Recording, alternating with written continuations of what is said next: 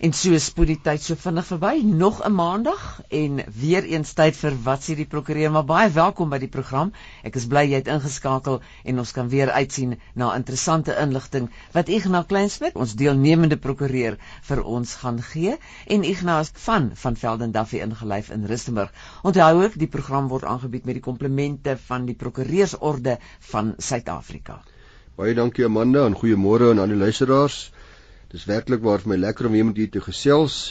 Uh ons het 'n paar interessante uh sake wat ons wil bespreek. Amanda, ek wil bietjie gesels vandag oor wanneer is BTW betaalbaar by 'n verkoopstransaksie en wanneer is hereregte betaalbaar. 'n Bietjie kyk na die baie bekende voetstootsklausule in die nuwe verbruikerswetgewing, hoe dit wat se invloed daarop het. Dis 'n saak wat baie van ons baie baie nou raak. As tyd kry wil ek bietjie gesels oor onderhoud by 'n egskeiding. Wanneer is 'n gade dan regtig geregtig op onderhoud? Dis 'n saak wat seker die meeste briefies wat ons kry handel daarmee. Ek het weer 'n paar briewe gekry, so ek gaan net weer daaraan raak net. Maar eerstens die verkoop van my vaste eiendom. Uh daar's 'n babelse verwarring by baie lede van die publiek om uh, oor wat moet ek nou regtig betaal as ek my huis verkoop? Moet ek BTW betaal want ek hoor sommige mense betaal BTW of moet ek hereregte betaal want ek hoor sommige mense betaal hereregte? Of moet ek albei betaal? Nou, die goeie nuus is dis nooit dis altyd die een of die ander. Dis nooit albei nie. Uh die eerste vraag wat 'n mens vra is of die verkoper 'n BTW ondernemer is. Die verkoper, aan die ander wyse ek verkoop my vaste eiendom, is in my persoonlike naam of in my besigheidsnaam of wat ek nogal is, is ek wat die verkoper is, ek of die respersoon wat die verkoper is, is ek 'n BTW ondernemer? Indien die antwoord daarop ja is en dis die verkoper vir BTW geregistreer is, dan is BTW betaalbaar. Punt stop. Uh ek sal nou nou na 'n paar uitsonderings verwys. Onthou verder ook dat die BTW wet bepaal dat die koopprys geag word.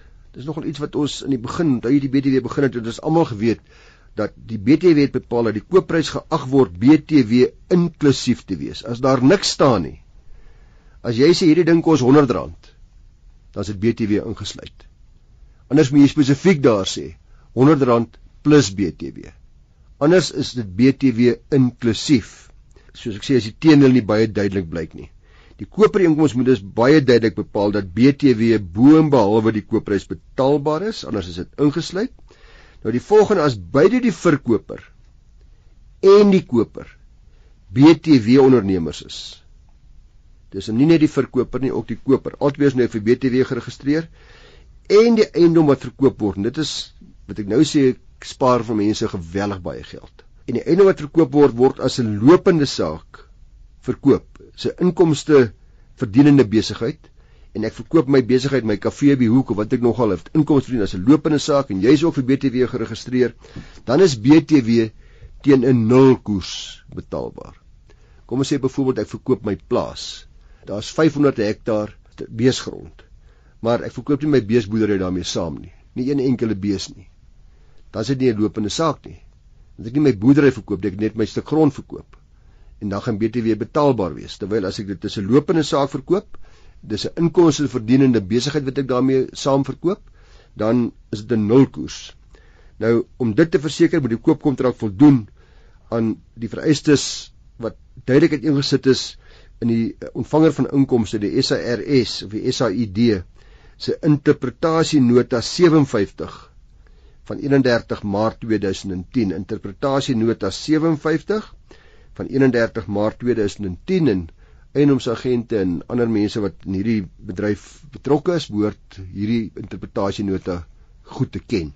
As die verkoper 'n BTW ondernemer is, maar die eiendom wat verkoop word is 'n private bate van die verkoper wat in ander woorde nie gebruik was vir doeleindes van die maak van belasbare leweringe vir BTW nie, dan is hierdie regte betaalbaar. In ander woorde Ek is 'n BTW ondernemer, maar die eiendom wat ek verkoop is 'n gewone private bate. Ek het dit nie gebruik as deel van my besigheid nie. Ek het nie BTW leweringe daarop gedoen nie. Uh, dan is here regte betaalbaar.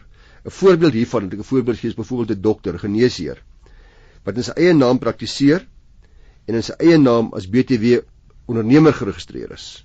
In sy eie naam.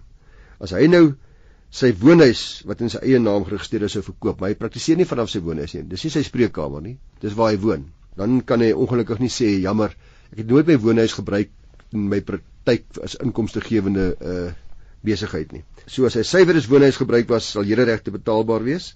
'n Ander voorbeeld is waar 'n mynmaatskappy, dit kry ons nou baie in ons omgewing, byvoorbeeld woonhuise besit wat dien as akkommodasie vir hulle werknemers. As die myn een of meer van hierdie huise sou verkoop, sal hereregte betaalbaar wees op die transaksie. So weer eens, u sal agterkom elke geval moet op sy eie meriete beoordeel word en ek wil u nie de mekaar maak nie behalwe as al hierdie voorbeelde vir u net laat goed verstaan voordat u iets verkoop. Gesien die ouditeur, kyk of waar nie daar voordele vir u kan wees om of BTW of hereregte uit te skakel nie. Net wel wat hereregte betref, as die verkoper nie as BTW ondernemer geregistreer is nie, ek verkoop my huis of ek verkoop my wat ek nog dit mag wees, plaas, dan is hereregte altyd betaalbaar. Selfs al is die koper as BTW ondernemer geregistreer. So luisteraars, se hele mond vol, dit klink 'n bietjie de mekaar, is eintlik makliker as wat dit klink. Maar dit beteken maar net eintlik ons gewone ouetjies wat gewoonlik maar net een huis het as jy dan gaan jy gaan jy regte.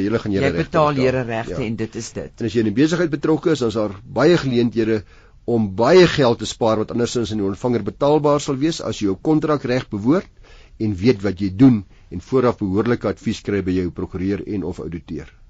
Jy dalk sopas by ons aangesluit. Baie welkom. Jy's by RC 100 tot 104 FM en dit laat my ook dink ons het uh, baie internetluisteraars wêreldwyd wat ook luister. Baie welkom aan ieder en elk by die tweede gedeelte van wat sê die prokureur saam met my Amanda Olivier en Ignas Kleinsmid en onthou die program word aangebied met die komplimente van die Prokureursorde van Suid-Afrika.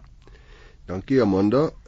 By egskeidings en by ander gevalle waar onderhoud ter sprake is, vind mens baie dat die gade vir of vir baie gades word die betaling van maandelikse onderhoud na egskeiding geag gestraf te wees wat vir hom of haar opgelê is teen die gade wat die oorsaak was van die verbrokkeling van die huwelik. Wat natuurlik nie so. Dit het te doen met wie die oorsaak van die verbrokkeling was nie. Dit gaan oor 'n mens se onderhoudsplig verspreidende uit die huwelik. Meeste gades besef egter nie dat dat hulle nie per se geregtig is op onderhoud nie in in die onlangse beslissing van AV versus CV se einde 2011 dan uh, KwaZulu-Natal is bepaal dat die gade wat die hof nader vir onderhoudsbevel moet aan die hof op 'n feitelike basis bewys dat hy of sy geregtig sal wees op onderhoud. Nou dit is niks niets nie.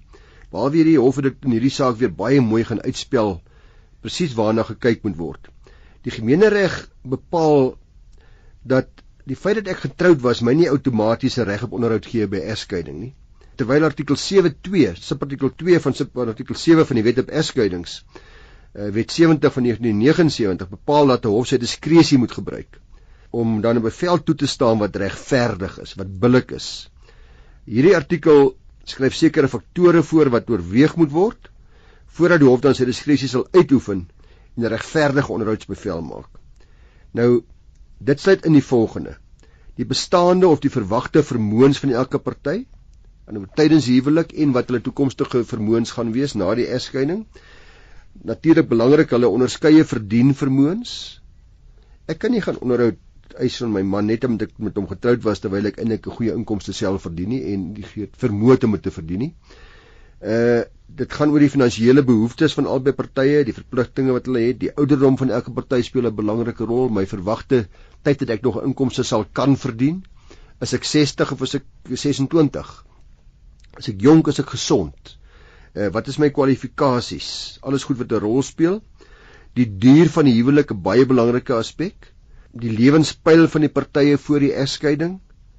Uh hulle gedrag ook vir sover dit op die verbrokkeling van die huwelik betrekking het en dan enige ander aspek wat die hof binne sy diskresie in aanmerking mag neem. Nou hierdie AC AV, ekskuus, versus CV saak het bepaal dat 'n gade wat aansoek doen om 'n onderhoudsbevel, daai gade wat die aansoek bring met die hof oortuig dat hy daai diskresie ten gunste van hom of haar moet uitoefen. Uh ten einde die hof te oortuig moet daardie gade dan op 'n feitelike basis bewys lewer van uh, dit wat hom of haar geregtig sal maak op onderhoud binne die raamwerk van hierdie goed wat ek het ingesit het wat in artikel 7.2 as vereistes gestel word of as riglyne gegee word. Laat ek 'n een eenvoudige voorbeeld gee. As jy uh, vir my by van Vellen Duffy as 'n regsekretaresse werk vandag Jy is 20 jaar oud en jy trou argumentsdalwe met 'n boer en hy neem jou plaas toe.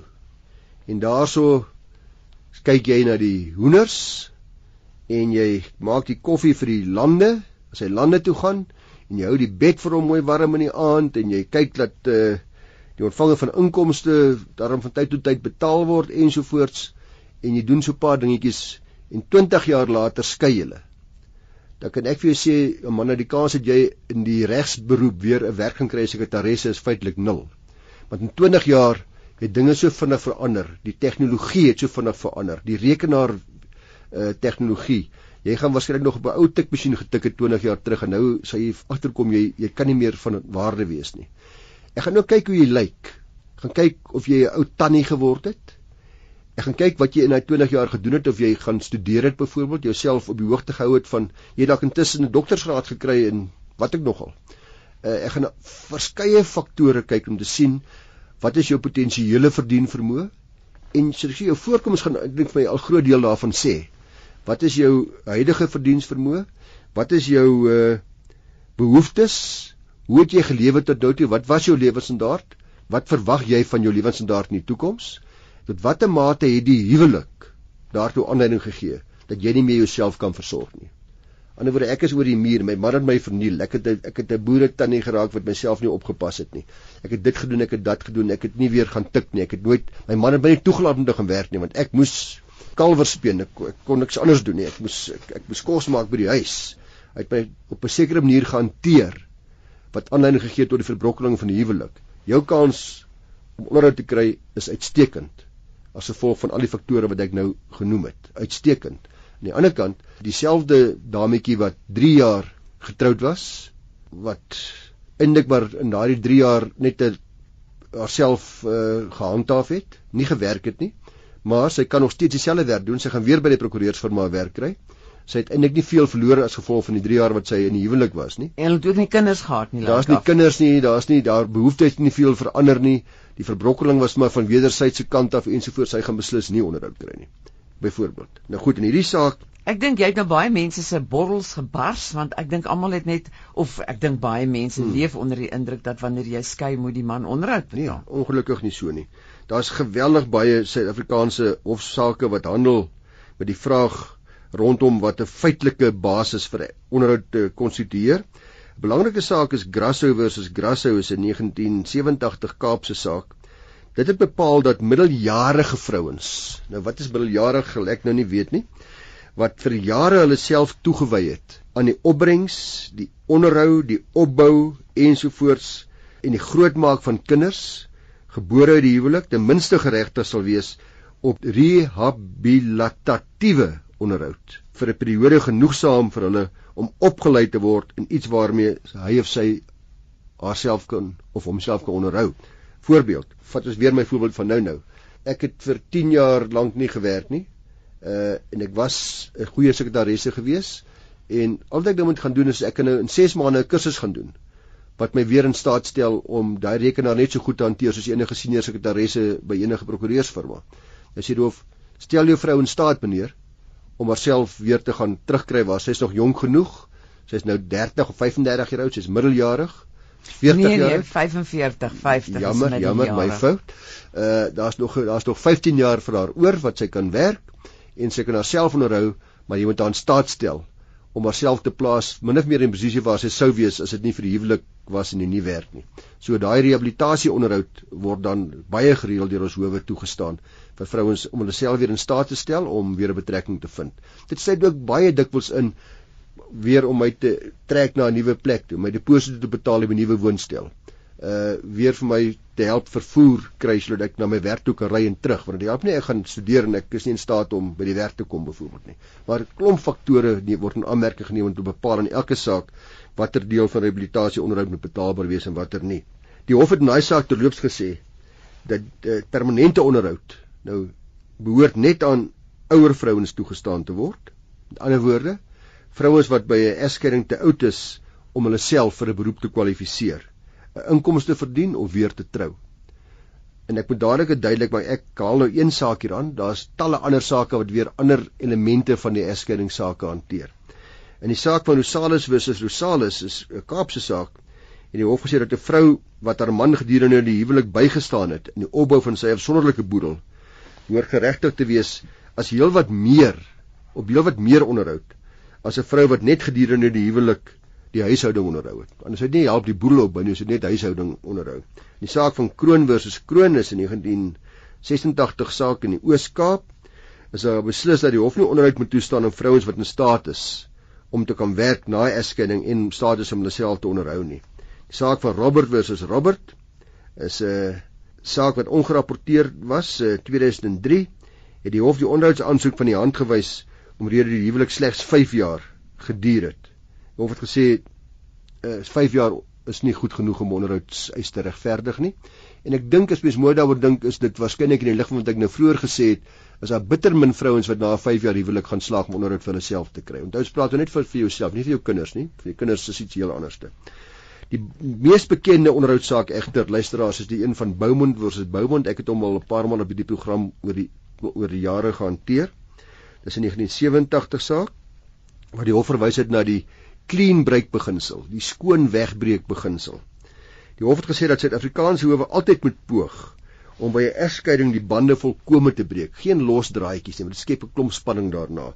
En moet streef daarna om die finansiële afhanklikheid van een party op die ander totaal te beëindig wanneer die omstandighede dit moontlik maak. Die hof het ook gesê dat daar wel omstandighede sal wees waar die clean break beginsel, die skoon wegbreek beginsel nie regverdig sal wees nie en waar 'n onderhoudsbevel toegestaan moet word, maar die kruks daarvan is in plaas van om vir jou onderhoud te gee, as ek vir jou genoeg kontant kan gee, waar jy opbrengs kan kry, jy het 'n klaarbetaalde voertuig vir huis of wat ek nog al dit is, dan verval jou onderhoudseis. Want ek het op 'n skoonbreek begin se liewer vir jou meer bates gegee, sodat ek andersins vir jou sou gee, maar nou gaan jy nie onderhoud van my eis vir die res van my lewe nie. Maar teruggekom by die AV versus CV saak. Hierdie geval was die vrou 54 en die man 53. 15 jaar getroud gewees. Vrou was geletterd, sy het gewerk, sy het 'n inkomste verdien. En ek noem hierdie saak om hierdie saak 'n bietjie afwyk van baie dinge wat ek nou reeds vir julle gesê het. Dit's 'n bietjie 'n ander ander ding wat hier gebeur het. Vrou het gewerk, inkomste verdien, sy het R8000 per maand verdien. Geen kinders in die huwelik gebore nie. Alhoewel albei partye kinders gehad het uit 'n vorige huwelik uit. Soos gesê, hulle is 53, 54 onderskeidelik 15 jaar getroud. So hulle was al wat? 38, 39 toe hulle getroud was die dag. Uh die vrou se bates was dubbel die waardes van die van haar gewese man. Die vrou het uh ook heelwat kostes aangegaan wat spandeer betref onder andere 'n skeepvaart na eksotiese eiland net voor die egskeiding. Sy het ook 'n huishulp gehad uh, wat sy nie werklik nodig gehad het nie. Duidelik gebleik dat 'n uh, voltydse huishouding huis huishouding nie werklik nodig vir haar was nie. En die hof het hier gesê die man moet hier kyk na die skoonbreek beginsel dat hy verdien hierso om liewers te kyk na 'n clean break en dat daar dan geen onderhoud betaalbaar is nie. Of het ook gesê dat indien die vrou minder spandaalberig optree, sal sy haarself kan onderhou met die inkomste wat sy verdien. Sy verdien R8000, sy moet net begin leer om daar binne te lewe. Sy moet ophou om allerlei bootreise te doen, allerlei dinge te koop wat sy nie nodig het nie en Maar 'n bootreis is so lekker. Hy sê op my hele wat hierdie fantastiese salarisse verdien by die SABC gaan natuurlik 'n paar maal per jaar op bootreise. Ons arme prokureurs sal nie weet wat dit hoe dit voel nie. Jy het natuurlik uh, Amanda wat mens na hierdie hofsaak kyk moet mens besef dat in hierdie geval kon die vrou voorgaan met haar beroep. Sy is nog maar 53 jaar oud of 54 en die hof het daarom onderhoud geweier.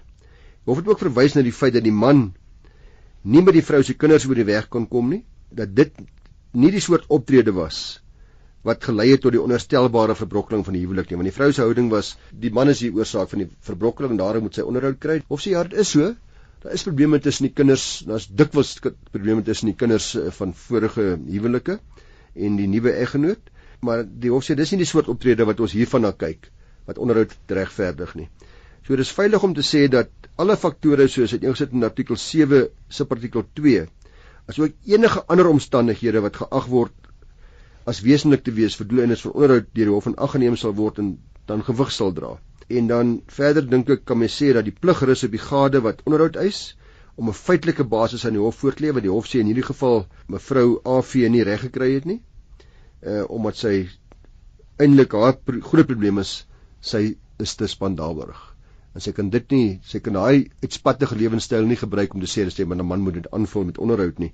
En uh, as gevolg van die feit dat sy in elk geval genoegsame bates het en ek meer as die van haar man, het die hof gesê sy gaan nie slaag met onderhoud sy sê. Dit is net 'n mite dat wanneer 'n mens skei, dat jy noodwendig gaan dink maar uh, die man moet onderhoud betaal. Ja, en is so moeilik hierdie goed Amanda, dood eenvoudig omdat vir al die persoon wat voel dat hy of sy onskuldig is met die egskeiding. In 'n woord ek het niks verkeerd gedoen nie.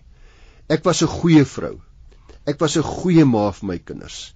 Ek het alles gedoen om huwelik te laat red. En wat het hierdie ander uh Fabond gedoen? Hy het gaan rondvoeter met sy jong sekretaresse.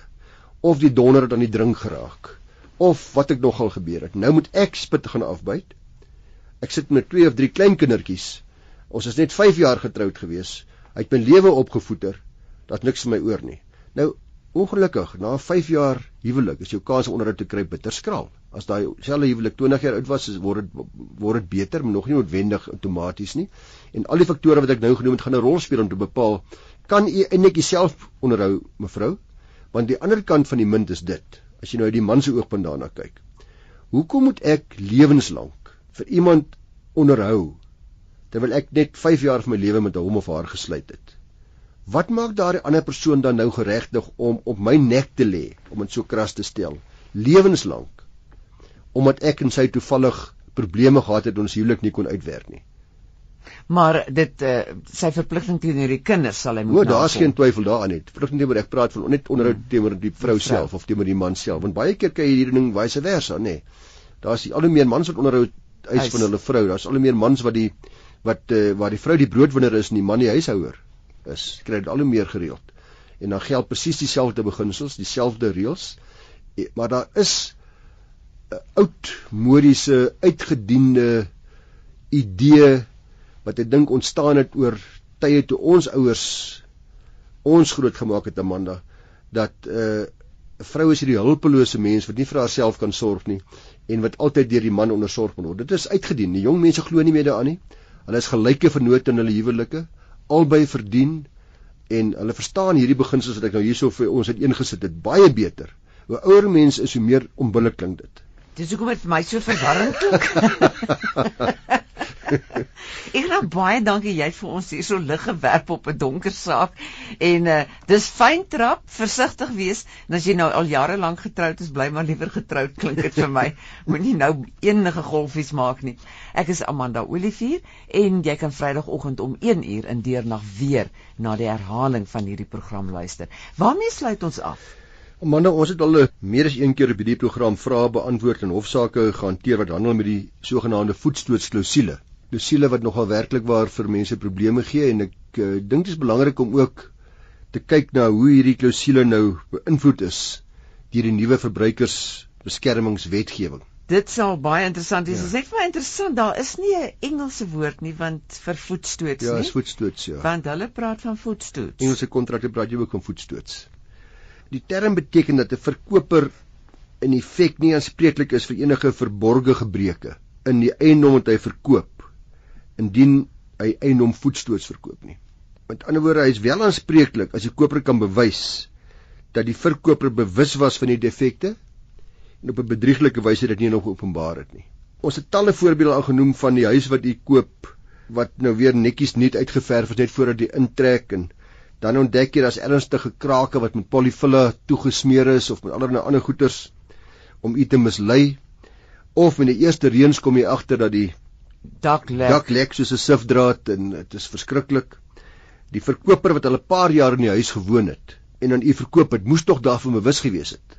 Of die, hy het tog die huis nie gaan oorverf. Hy het hy het hy polyfillige insit is nog vars. Uh, hy moes daarvan geweet het. Hy het hierdie belangrike inligting van u weerhou. Nou sê hy ja, maar jammer meneer, jammer mevrou, daar's 'n voetstootsklausule. Dan sê ek man, jou groot voet. Voetstootsklausule beteken niks. Ek het 'n waarborg teen alle verborgde gebreke. Uh, inherente waarborg teen defekte teen verborgde gebreke op die basis van dat jy dit op 'n bedrieglike wyse vir my vanaf my weerhou het.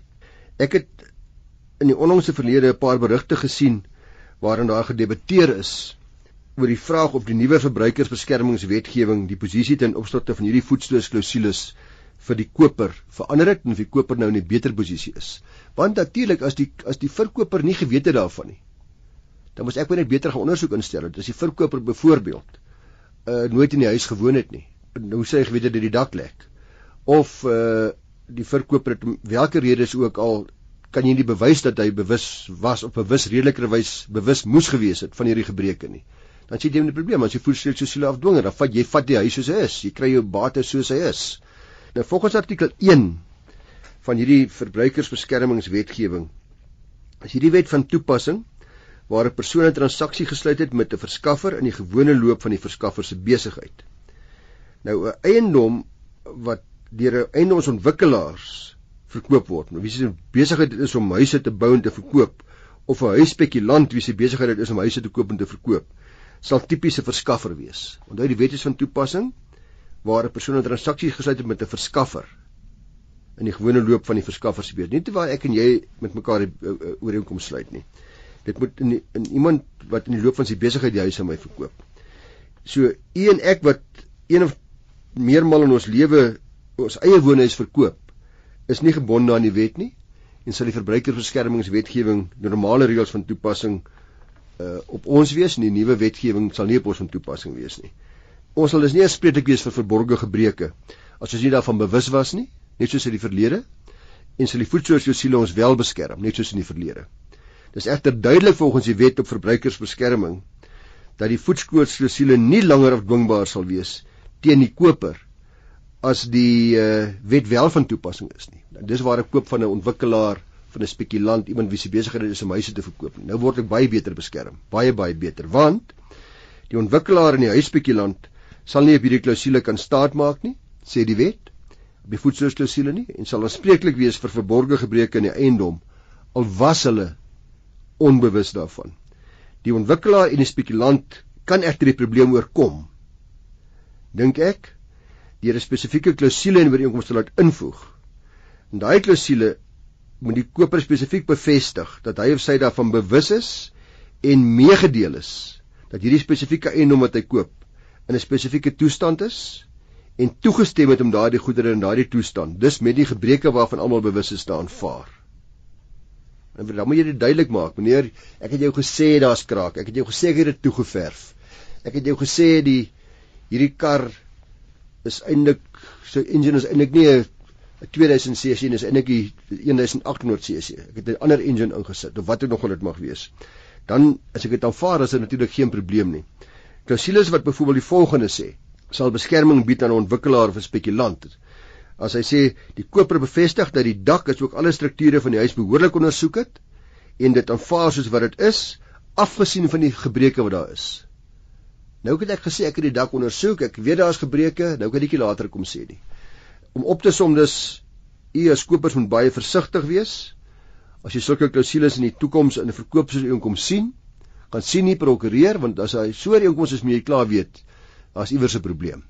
Die nuwe verbruikerswet maak die verkoper aanspreeklik as hy soos ek sê 'n verskaffer is en hy kan nie ontsnap van hierdie hy kan nie die voedselklousule enigstens meer gebruik nie behalwe as u hom van die hoek af gaan haal deur dom klousules te teken terwyl hy nie regtig van plan was om hom van die hoek af te haal nie. Beste raad is asseblief mens teken 'n paar maal in jou lewe ooreenkomste met betrekking tot die koop van vaste eiendomme. Gaan sien maar 'n prokureur, spandeer daai paar rand vir die halfuur wat ek nog gaan wat hy hierdie kontrak vir u gaan, laat hy vir u verduidelik wat daarin staan. Moenie u laat mislei deur eiendomsagente en deur verkopers wat u onder druk plaas om 'n ooreenkoms te teken sonder dat u dit behoorlik gelees het nie. Ja, en kry maar 'n uh, argiteksvriend om die huis deur te gaan en kyk of daar nie goeders is wat jy dalk miskyk nie of as jy iemand kan kry om die dak te klim en gaan kyk hoe lyk dit bo op daai dak. Dit is so. In die plafon of daar nog immer staan wat water opvang nie. Huiskoop is nie 'n man se maat nie en kontrakte ook nie. Gaan baie dankie vir hierdie kundige raad wat jy weer met ons deel en ons slimmer maak by die dag en ook banger vir alles waarin 'n mens jou voet kan insit. Ongelukkig is dit so dat die reg is 'n doolhof van probleme en as mens net oop oë uh, daarna kyk en besef dat daar is kenners wat jou kan help. En die groot probleem is Amanda en ek weet, ek dink nou of ek uh, na die reg die prokureursberoep probeer bevorder, maar dit is werklik nie so nie. Daardie om liewers proaktief te wees, om nie te wag tot die probleem 'n monster geword het nie. Om vooraf voor jy 'n ding teken te gaan vra en nie eers te teken en dan te gaan dan word dit 'n groot probleem. Dan is prokureurs duur, want dan is die probleme groot. Prokureurs is werklik nie duur as u paar minute van hulle tyd gaan vat om net vinnig vir u te sê wat die regte is nie.